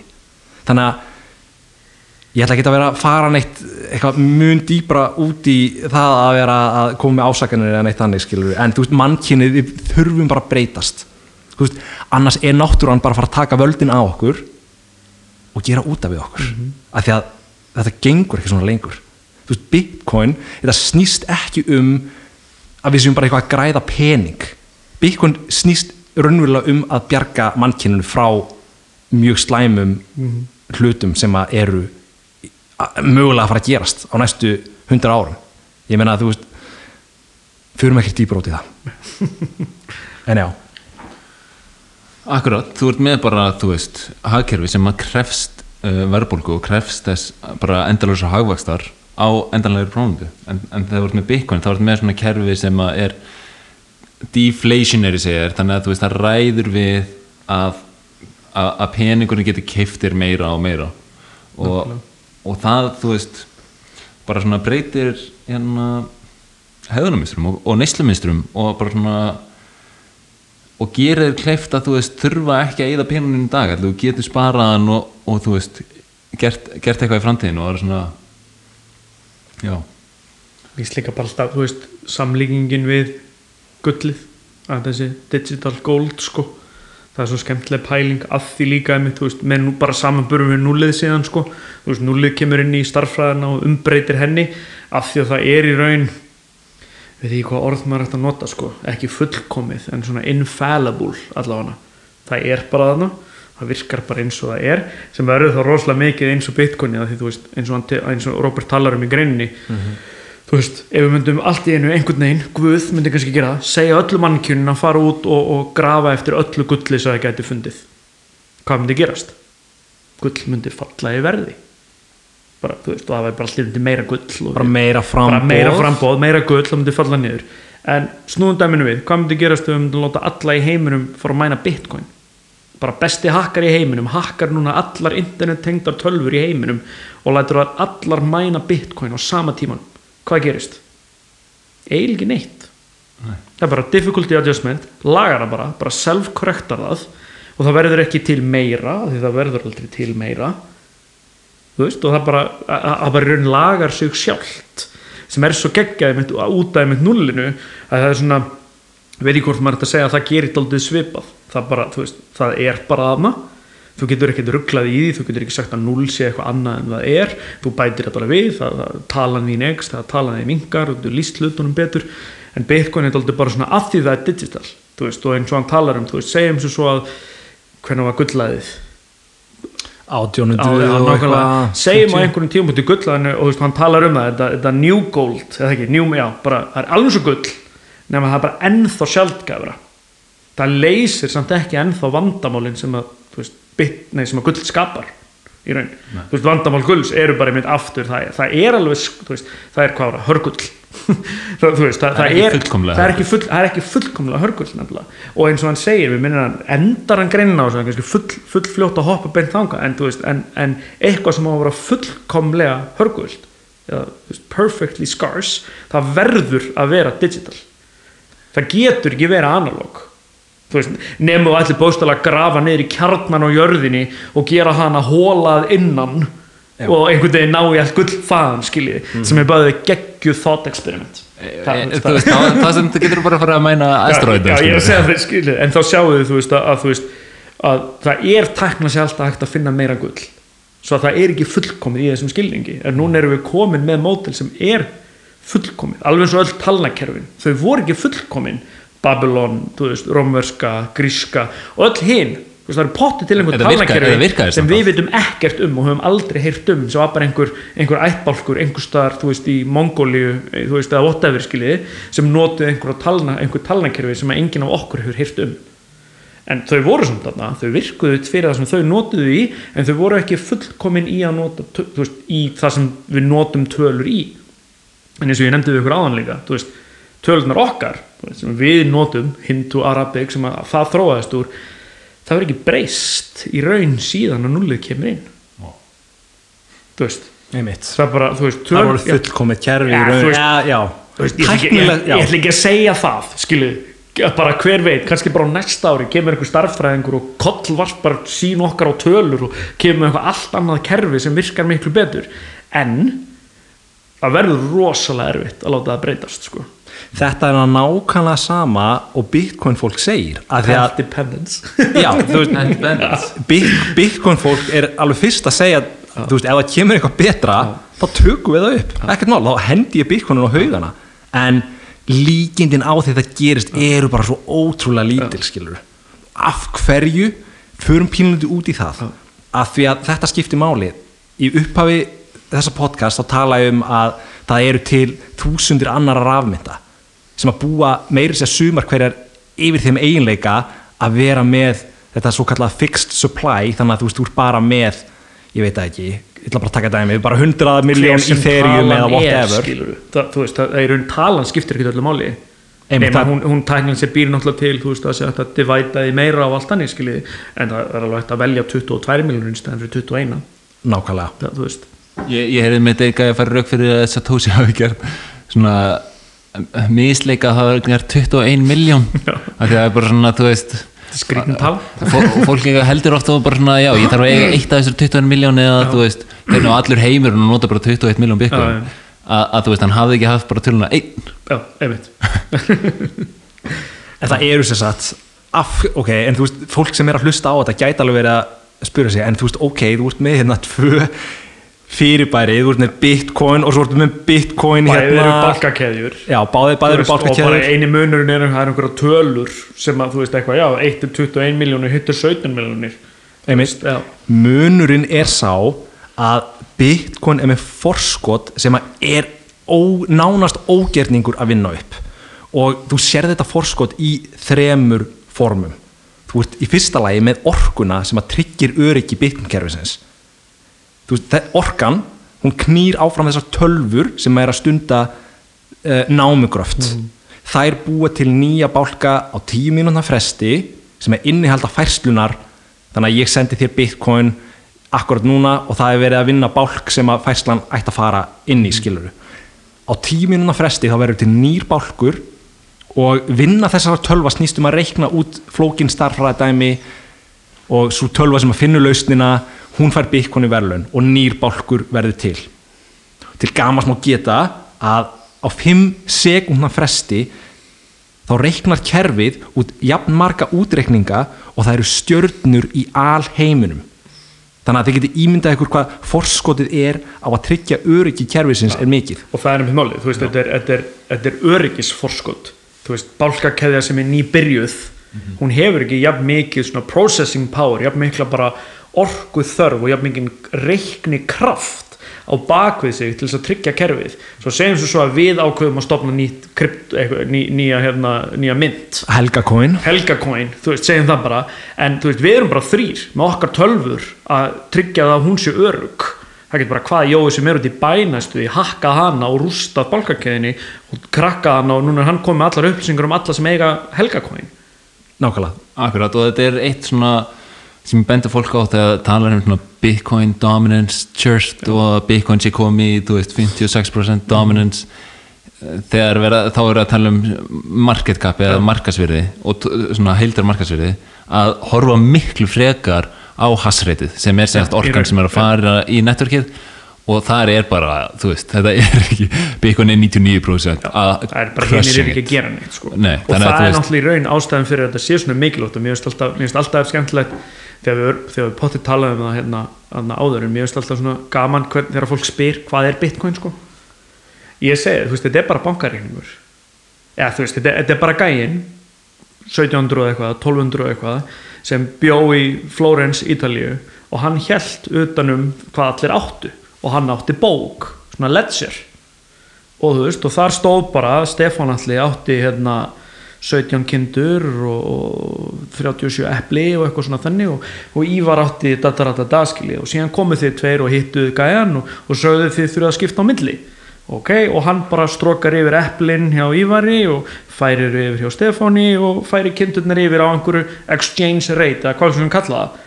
Nema hvað að, þú veist, lásin er, er þú veist, reiknikrafturinn. Þú veist, þarna, árið 1200 þá að lásum bara hvaða hvað pickpocket sem er í, í, í Flórens Ítalíu hefur líklega geta farið með inn og aflæst þessu og bara, herru, já, hérna 17 kindur, Nákvæmlega, og í dag Já. ertu með þennan dreifða ledger. Nefnilega, þannig það- að allir í heiminum basically Já, geta bara hver sem er getur verið með þennan ledger heima á sér.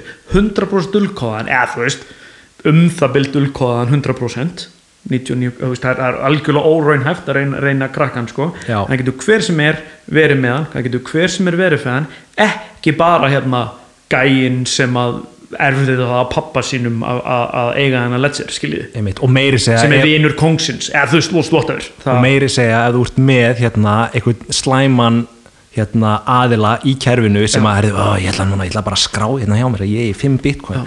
Þá eru 100.000 aðrir aðilar sem að halda uppi í þessum ledger og segja bara uh, nei, já, nákvæmlega. Svo, og það er það sem er svo geggja við þetta því þá verður þetta líka ekki veist, ja, veist, aftur, það er ekki ómögulegt en það er rosalega ólíklegt að verði síðan eitthvað central figure sem ákveður það bara það allt og það þyrfti of svona concentrated effort í það. Að því akkur ættu allir sem eiga bitcoin í heiminum að segja bara, já, herru, núna á þessu ykkur 100 bitcoin í viðbútt það myndi enginn gera það, það þú veist. Svo að þú myndir þurfa bara þetta svona leikjafræðin segir bara all, leikjafræðin er bara, það eru að, þú veist það er í hag allra að halda réttum regl, reglum. Nákvæmlega, ok, ég talaði um að þetta væri þrjú forskot sem að bitcoin hefur. Fyrsta komið. Fyrsta komið, við erum með orkuna. Já. hún heldur öryggi kerfisins. Nummer tvö, þá ertu með það sem að kallast network effects eða kerfisáhrif. Og kerfisáhrif þau eiga sér stað innan kerfis uh, þegar að nýr notandi bætist inn í kerfið. Þannig að taktu dæmi um þú ert með talsíma kerfi ok, og þú átt eina síman helgi er einhvað virði í því Nei, um, um leið og ég fæ með síma og allir hérna í Reykjavík fá sér síma þá er kerfið orðið meira virði. Þannig að sömu sögu má pínlítið segja um Bitcoin. Við erum með 100 miljón notendur sem er heimin og haf yfir notendur annara kerfa og svo tala er að stefna í 250 miljónir í lok þessa árs með hérna, spár uh, greinenda.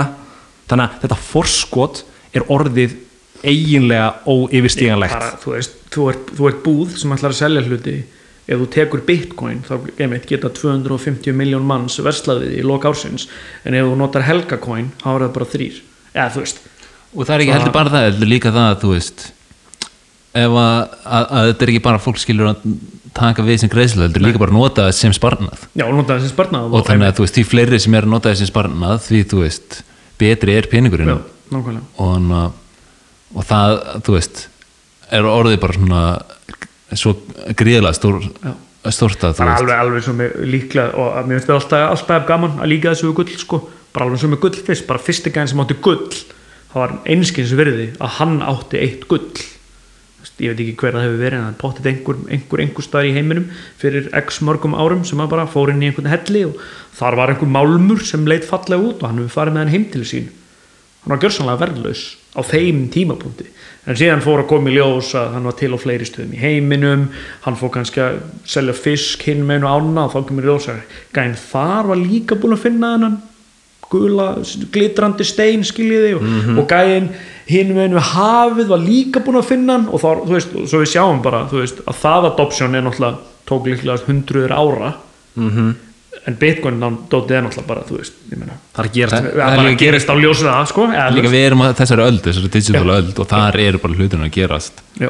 við erum, að, við erum að sjá þetta svo hratt og það er svo ótrúlegt að sjá einn vera peningavæta fyrir framan okkur og við getum séð, þú veist alla, allt um það skilur og alla statistics og við getum grafað, við getum grafað upp. Einn vera peningavæta frá nulli. Og, þú, og þú vaknar aldrei á morgun það sem er bara einhver jói út í bæ slassaði einhver af peningniðinu nákvæmlega sem er mynd að því að það eru svo margir að nota þetta núna sko. á meðan einmitt ef þú kaupir einhvern helgacoin þá get ég bara ákveð á morgun að, að þú veist það er aðeins meira virðistrakar eða aðeins minna virði eða aðeins öðruvísi eða eitthvað þannig sko. sem er alltaf svo sem þetta er íkt dæmi Byrju, er þetta helga kona að pumpa akkurat kaupa bara, bara þú veist, alltaf þegar þið sem eru að hlusta þá er þetta potið að pumpa sko. Ég held að öll ný altcoin sem eru skráð á, Binance er að pumpa þannig já, að öllu líkit þriðja forskotið sem Bitcoin hefur er sem sagt lausafjö og það er liquidity á ennsku Bitcoin er með langmesta liquidityð lausafjöð sem þýðir basically að það er mun auðveldara að gera viðskipti með Bitcoin en aðra myndir. Og það er meira svo frækt núna þú veist þegar Elon Musk fjárfesti í Bitcoin fyrir á árunu uh, einhverjum nokkrum vi, vikum síðar þá uh, senda hún skilabóð að hann hafi á Twitter að hann hafi sem sagt, ákveðið að selja hluta af bitcoinunum og skrifaði sérstaklega að þetta væri liquidity eða lausafjestest Já. þannig að þegar svona stórt fyrirbæri eins og Tesla keipti fyrir ángríns held ég biljón dollara einu og hálfu. Nei, Ein- já, ein og hálfa biljón dollara þeir seldu part af því að því að ég get ímynda mér að hlutafar Tesla voru ekkert allir Nei, nei. mjög hrifnir af þessar hugmynd og herru, ok, við þurfum bara að gera test á hvort að við getum getum við selt okkur við þetta. ef við þurfum þess. Nákvæmlega, þeir gerðu það. Þeir tilkynntu markaðanum það. Verðið fjallu þetta Já, og við erum alveg, þú veist, það er bara svona er þetta, við erum hérna early adoption, þetta er early adoption það þarf samt í raun svona test ef við hugsum um það að því þú veist það segir okkur að þetta sé hægt veist, að, að, því, ef bara verði hefði bara haldið áfram að pumpastu upp og pumpastu upp þá hefði burningan farin að koma. Er hægt að losa sig við pening? Veist, get ég selt bitcoin minni við þar það og fólk hefur þá verið fullt efasemda? Núna, núna þá er engin nema Elon Musk og Bill og Melinda Gates og eitthvað að pæli því hvort, að, hvort þú getur fengið lausa fyrir út úr þessu. Þú veist, við hinir sem eitthvað erum, erum hérna í einhverjum, einhverjum handful þú veist, þurfum mér ekkert að pæli við vita að það er búið að gera testið fyrir okkur. Veist, ekki að við viljum það en ef maður myndi vilja það svo að þú veist, það er ekki hægt að rífast um það lengur, svo rauninni er þetta bara 100% jákvæmt myndi ég segja sko. Algjörlega og bara svona ótrúlegt hvað þetta er. Já, liquid Eh, þú veist, þetta er náttúrulega treyta 24-7 og þú veist, Já. þú kemst inn út úr þessu hvena sem er.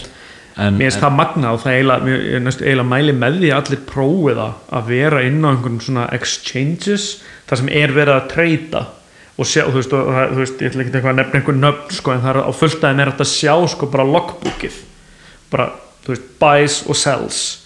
Og þú sérðu bara hrinja inn bara, pff, þú veist, það bara, ok, það voru, voru að kaupa svona mörg bitcoin á þessu verði það bara hrúast inn, þú veist, það er alltaf hægt að fylgjast með þér lengur, það er svo mikil reyfing í gangi, sko. Svo eitt hérna, eitt, eitt, svona áhugavert áhugavert pæling varandi aldur bitcoin, við tölum alltaf um að þessi 12 ára tækni Já. en ef við berum bitcoin saman við til dæmis hvernig eh, viðskipti eiga sér stað með hlutabrif og skuldabrif gull eða olíu eða whatever uh, þessi fyrirbæri eru aðeins aðeins viðskipti frá mánudugum þú veist, frá 8 til klukkan 6 Já. mánudag til föstudags. Bitcoin er allan daginn allan sólarhringin, allan ásinsring alla daga, punktur og þannig að þú getur tekið, það var einhver sem tók saman sko tíman á hérna hversu lengi bitcoin er búin að vera viðskiptum með hitt og þú getur miðað við sem sagt að bitcoin hafi verið að, að við, í viðskiptum frá árunni 1975 held ég ég meina við sjá að, til, að þú veist, meina, ef hinn eru cirka að treyta 8 tíma á dag þá er bitcoin í raun að það fær þrjú ár fyrir hvert ár af hinnum sko. er í raun meira því það er bara hinn eru bara 5 að 70 sko. svo erum við að tala um alveg á wow. örgulega þrjú til fjögur ár fyrir hvert ár af hinnum sko. svo hei, hei, við erum búin að ná þeim og farin fram úr þeim bara eftir nokkur ár sko. mjög áhugavert Já. og þú veist það er svo bara mikilvægt þú veist þegar maður horfir á svona hvaða þarf mikið fyrir einhvað eins og Litecoin eða einhvað eins og Bitcoin Cash eða þú veist hvaða fork af Bitcoin sem er skiluru hvaða þarf mikið til þess að vinna upp þú veist 99% hasreit forskot og, og bara eitthvað massíft liquidity forskot.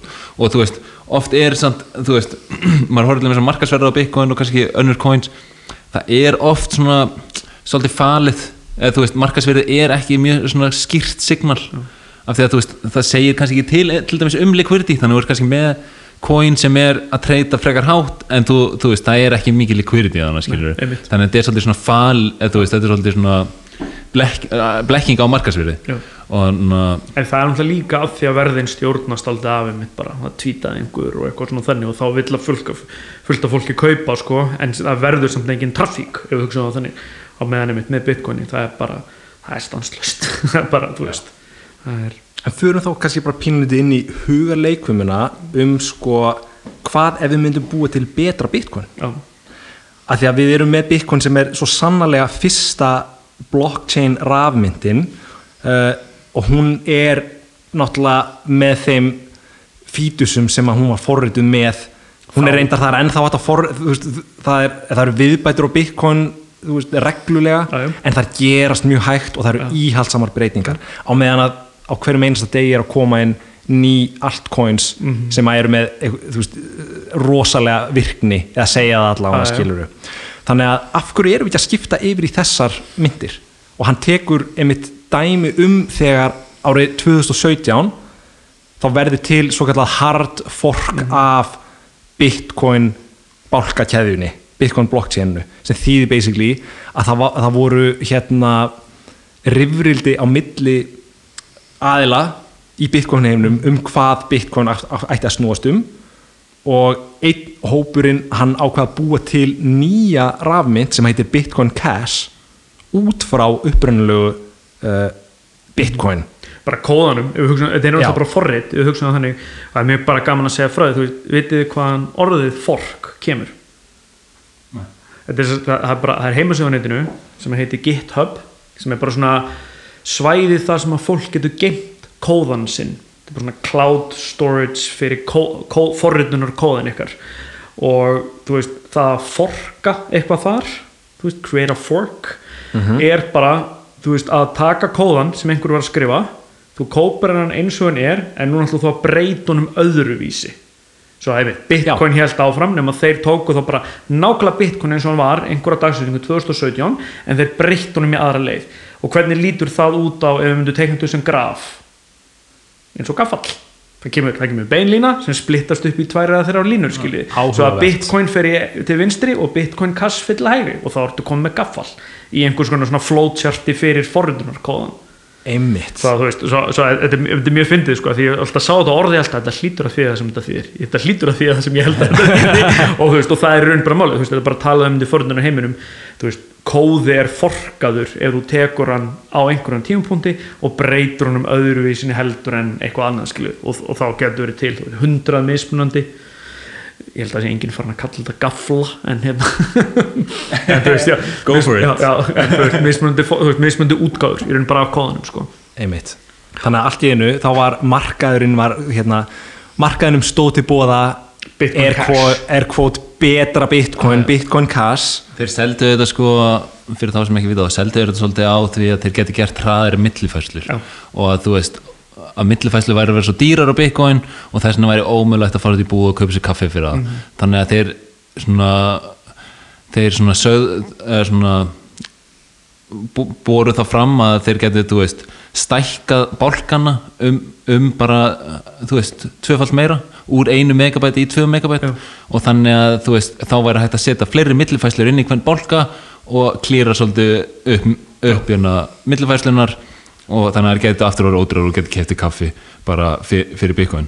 Og, að- og þetta var náttúrulega mjög hitað mál og þú veist og endar síðan í þessu hardforki og síðan sér, en þú veist með menn, þeir voru að segja skilur nei, öryggir miklu mikilvægra og við getum gert þú veist, kaffimillifærslunar á öðrum leigir en það sem við þurfum að hugsa um núna er bara 100% öryggi.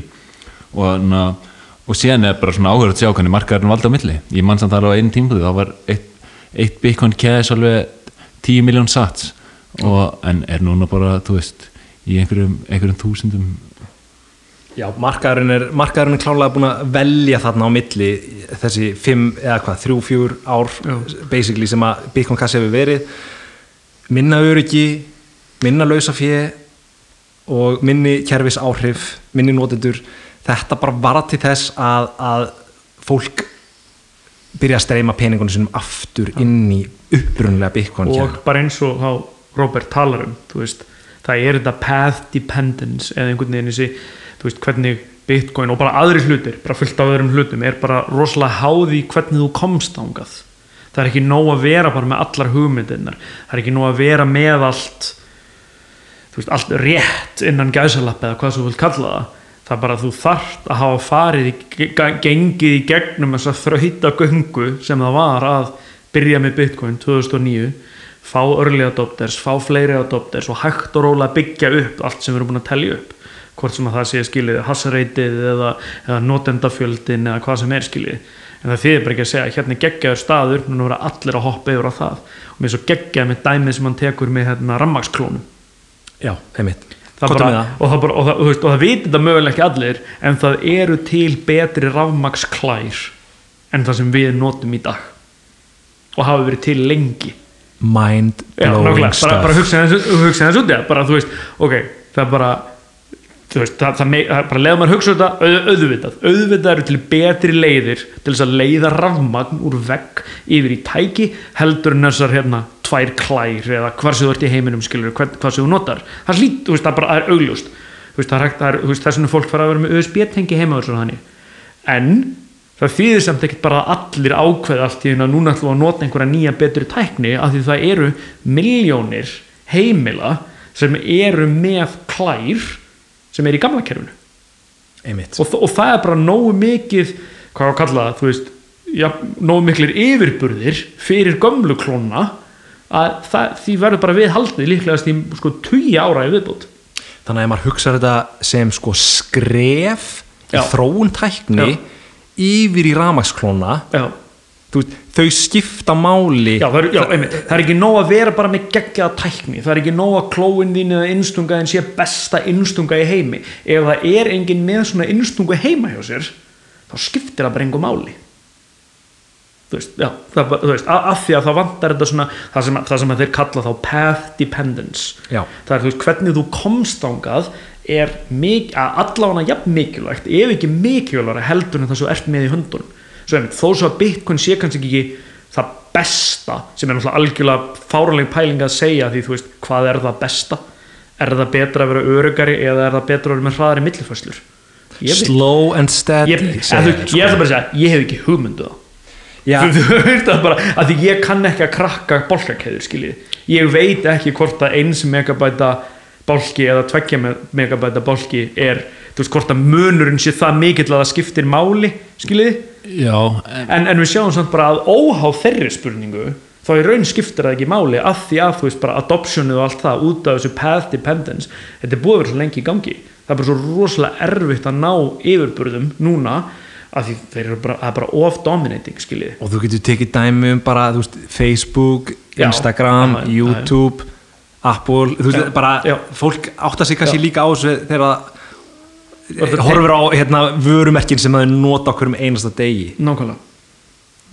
Bara stuttin þú veist gera fólki skýrt af hverju samt. Já, við viljum ekki tvekja já. megabæta blokka já af því af því þú veist ég, ég, ég hef ekki kynnt mér það svo ég veit það er hún ekki sko. það, það er þá sem þess að ef við erum með tvekja megabæta blokka þá, þá stækkar nóðan og e- ef að þú veist já. ef, ef að nóðan stækkar þá, og þú veist og þú, þetta er náttúrulega ekki þú veist langvarandi lausn að bara tvöfaldan. Af því að síðan ef þú fær tvöfald meira adoption þá er þú hvað að gera aftur. Já. og það sem þú endar í bara er bara að vera með nóðu sem er alltaf stór. Og n- full nóða í dag er eitthvað í kringu 380 gigabæt og þannig að þú væri bara komin upp í eins og í, í Ethereum nóðan sem er eitthvað í kringum, þú veist, ég veit ekki yfir terabæt já. og er bara, ó, þú veist það er ómulegt að kerna, skilur ég, þú veist, þú þarft að vera einhver svona frekar já. með, og með bara þvílíkt setup til að geta kert í og er bara alltaf að stækka meira og meira raun og, og það er einmitt eins og við sögum skilur og þú veist að taka með að, veist við Bitcoin það er að vera þinn eigin gæi Flórens með ledgerinn Já.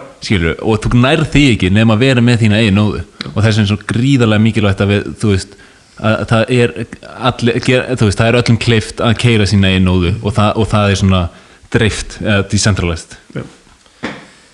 Þannig að, ok, ég held að við séum búin að tala pínlítið núna vel um hvernig Bitcoin hefur forskot á aðra rafmyndir sem að geta líka sínt fram á eiginleikan þú veist, fullkomin óendanleiki Já, já. en hann er tengdur við raun, raunulegan harðan pening hjá Bitcoin sem þýðir basically að sko þegar það kemur að peningum þá, þá getum við hort á sjálfgæfni sem ákveð svona shelling point sem þýðir í game theory, í leikjafræðinni að leikmenn, þeir velja þann pening sem er sjálfgæfustur eða býr yfir eiginleikanum hérna, hörgull basically að einhver sér fágætt uh, sjálfkrafa. Þannig að veist, þeir fara bara svona automatíst og þetta er í raun, þú veist ennþá dýpri skil, þú veist, óháð sko, þú veist, sjálfgefleik og allt þannig, þá er þetta í raun bara, þú veist það sem talaðum í, í þá leikjafræði að þessi focal point eða selling point er í raun bara, þú veist, þetta er lausnin sem að leikmenn finna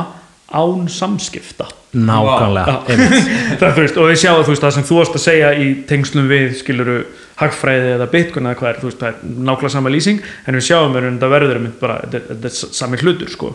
En það, þarna væri hægt að yfirfæra það líka yfir á skilið hvort það veri leysa eitthvað púsl. Eða, eða þú veist, hvað sem er skilið Já, eða náttúrulega bara þannig að þú veist, þú vill geima peningiðinn í eign sem er erfitt að búið til umfram magnað. Það er erfitt að hugsa þetta oft sem að þetta sé sjálfgeft eða bara 21 miljón þetta er raun og veru, þú veist, það er til endalist mikið af bitcoin fyrir alla skiljuru en það er meira að það er erfitt að búið til umfram magnaði.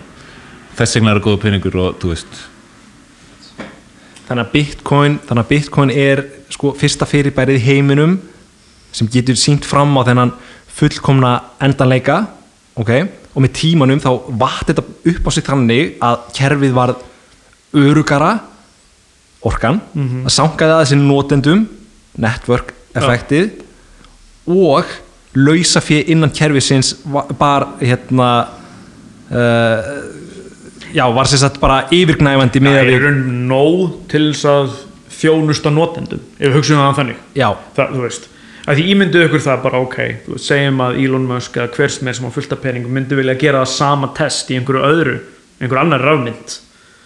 Þá fær allt í köku skiljið það myndi gera. Veist, þetta hafði, þetta hafði stór áhrif á bitcoin en ímynduð ykkur áhrifin sem þetta hefði haft á eitthvað annað minna? Hvort sem að það heiti Litecoin eða Ethereum eða Dogecoin eða Helgacoin eða whatever, skilji þú veist, þú veist bara, að, að því við sjáum bara aftur þú veist, að því að 1,5 miljardur bandarækjadólara er miklu stærra hlutfall þar af öllum reyfingum og allt þannig, skilji og sko þetta er það sem að hérna Breedlove í greininni að því við erum ennþá að tala um greinina sko. já, já, það- hann talar um þetta sem sko the economic singularity. Já. að Bitcoin sé búið að ná þessu economic singularity og þá kemur annað kvót. Ég er búin að vera alltaf í kvótunum í dag sko, sko uh, Carl Jung held ég hafi sagt þetta. Ég skrifaði ekki hjá mér en það er sem sagt people don't have ideas. Ideas have people. Sko Bitcoin er hugmynd sem bara virkar pínlindi bara svona eins og, eins og vírus á fólk sko. Og um leið þú ert búin að átta þig á þessu sem við erum að tala um ef þú ert búin að vera að hlusta á þetta sem við erum búin að segja allt þetta podcast og þú ert ekki að klóra þér haustum yfir í af hverju er ég ekki múin að kaupa þú it's not a financial advice hérna sko, við erum ekki að segja neinum að kaupa bitcoin en þetta er án gríns hugvíkandi konsept þannig að sko við erum að horfa fram á að, að ráðandi efnagaskerfi heimsins í dag þau eru að rinja fyrir framann augun á okkur. Það fyrir reyndar eftir hvernig þú spyrir en Bitcoin fólk myndi segja það. Og Breedlove talar um að sko, þessi öll sem að stjórna heiminum í dag þessi harð stjórnar öll þau stjórna framleiðslu hérna ströymum, eða framleiðslu og ströymum þessara valdbóðs gjaldmiðla íslensku krónunar, evrunar, dólaranir, jenin og svo framvegis. Og þeir basically eru sökudólganir sem að megi kenna um ójöfnið í heiminum fjármögnun stríða skilur já. hvaðan kemur peningurinn sem að hérna bandarski herin basically fær til þess að fjármagna sem nákvæmlega. hann fær hann bara, þú veist, Sælabanki bandarækina hann prentar út peninga Já. sem að fer í hendur ríkisins sem að fer í hendur hersins, hersins Já. og þeir bara prenta út meiri peninga endalaust ef að þeir væru með endanlega auðlind eins og bitcoin þá myndur klára peningin sinn. Mm. og þeir myndu fara í eitt stríð og svo bara, herðu, hvað svo? förum í annað stríð. Já, nú erum við búin með peningan okkar. Ok, betur hvað, við erum búin að vera að gera þetta í 300 ár hérna, við bara höldum áfram, nei, við getum það ekki. Þú átt ekki pening. Það er bara búið. Þannig virkar þetta. Já. Það er skemmtilegt hann, hann, hann talar um það í grinni líka með þetta með selling pointin og það allt og það sem ég nefndi á hann með hérna þess að lausn sem, að, sem að spilarar í leiknum í leikjafræði eða hvað sem við viljum kalla það veist, finna án þess að eiga samskipti og, og bitcoin í raun og gull þar á undan er í raun svo lausn að því þú þarft ekki að treysta veist, ég þarf ekki að treysta gæjanum í bandaríkjunum sem ég kaupi bitcoin af. Ég þarf ekki að treysta gæjanum út um allan heim sem eiga bitcoin í því að fara vel með bitcoini sitt svo að verðið eða gildið hvort það verðið eða bara verðmæti kannski frekar bitcoins haldi sér að það eru bara allir við sama það, og, og, og, og, eins og hann segir þess vegna uppalega var gull þá shelling point þú veist hagkerfisins en, en bitcoin eru að taka við að það hefur bara nákvæmlega sömu einleika nefnum bara ennþá ennþá betur. Af því það er digital skiljið af því það er, af því það er starffræðilegt af því það, veist, það er upplýsingar bara? Upplýs, nákvæmlega, það er bara upplýsingar. Þetta er bara information sem við erum að, við erum að geima við erum ekki að geima eitthvað sem getur ok, gull, sem getur bara að brenna. En, en þú veist, en það er tæknilega sér þetta tína gulli. Já, það getur ekki eitt í. Erum ekki eitt í. Það, já, þannig það, það er eiginlega svona ástæðan fyrir að það hefur verið svona, þú veist, mikla byrðir af því að, þú veist, fólk hefur verið að safna því svona lengi og, og nota náttúrulega sem pening. Þannig að við verið svona veist, lengi kvati til þess að mæ, grafa eftir bitcoin, Já. neða, eftir gulli segi já, ég. og ná, sem hefur svona verið partur af því að já einmitt, að- og þú veist, maður er alveg hýrt um við erum heyra um, um sögur svipar sem, sem kannski vísa til bitcoin en maður hefur alveg heyrt um sögur að, að fólk finni gull í, þú veist, eitthvað afiðun og amma dóu og það var gull heima hjá þeim og nú ert þú ríkur. Eftir, eftir nokkur ár, ég veit ekki hvað mörg þá myndu finna bitcoin heima að mun afa sko. algjörlega.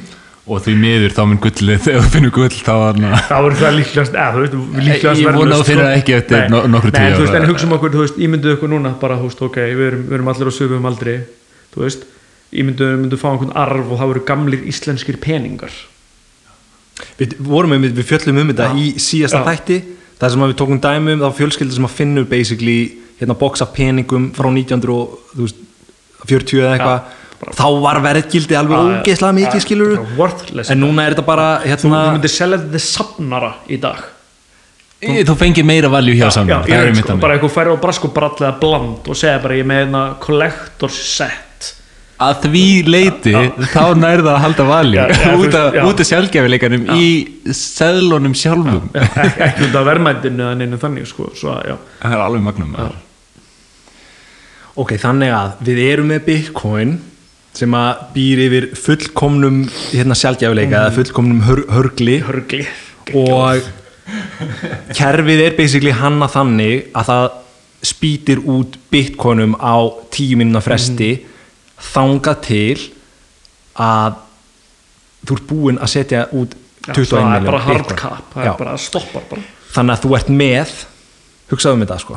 Þú, ert- þú ert með hérna þessa innspýtingu á bitcoini sem er alltaf á leiðinni að nulli þannig að árið 2140 þegar að því er spáða að síðasta bitcoin hefur verið mænað þá verður null bitcoin í verðbólgu. Já, nákvæmlega og við fjöldluðum um í síðasta þætti hvert getur mögulegt verðgildi bitcoin verið. Og þá fjöldluðum við um grein hérna Knut Svanholm sem heitir hérna Deeper Down the Rabbit Hole. Og hann er að taka fyrir konseptið að virðið á bitcoin sé í raun og veru óendanlegt Ah, deilt með 21 miljón þannig að hérna römmum við pínlítið saman tenginguna á milli nulls og bitcoin við tölum í, í miklu málu um hvað, hvaða áhrif nullið hafiði á ráðandi öll kirkjuna og hérna erum við að draga saman líkingar á áhrifunum á bitcoini á ráðandi öflin sem eru já. sælabankanir í dag nákvæmlega, nákvæmlega.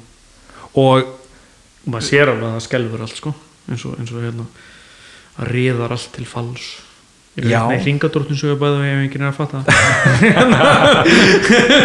Ef þið er ekki búin að segja nýja mýmið sem að Guy Swan hérna gerði með ringadrótsviti, það er legendary. Ég er bara að sína þér þegar við erum búin hérna. Þetta er alveg bara fyrir eitthvað sem er að hlusta Guy Swan mým, þetta er nýjasta. Þetta er ringadrótsa, þetta er bara epic.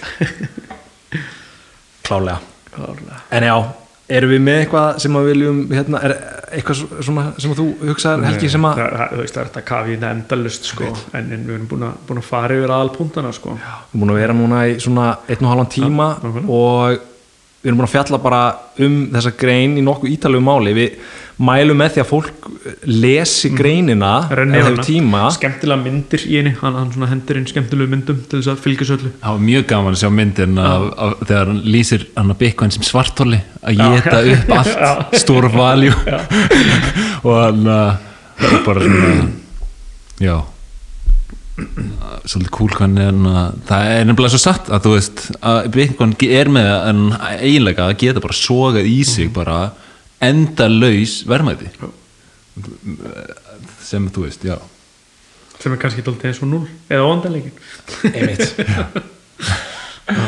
herðu, hugurinn bara er bara bending. Nákvæmlega, þetta er búið að vera mjög gott sessjón, bara frábært að fá þig í heimsókn Helgi fyrir. mér dettur strax í hug þegar við vorum að tala um leikjafræðina. Veist, það er alveg leikjafræðileg svona game theory concept í tengslu við Bitcoin sem að væri gaman að, að skoða á einhvern tímapunkti. Uh, en við fyrum allan ekki lengra með þetta í dag þannig að við bara þökkum kjallega fyrir. Takk fyrir mig. Þökkum kærlega fyrir hlustendum sem fóru alla leið með okkur núna. Þetta er búið að vera langa þáttur. Og minnum aftur á Twitter atbyltingin Telegram komið inn á spjallið. Það er bara allt að gerast þar. Það er bara stanslaus umræða. Þið er bara að mjúta grúpuna dottið inn til þið viljið. Og allir velkomnir.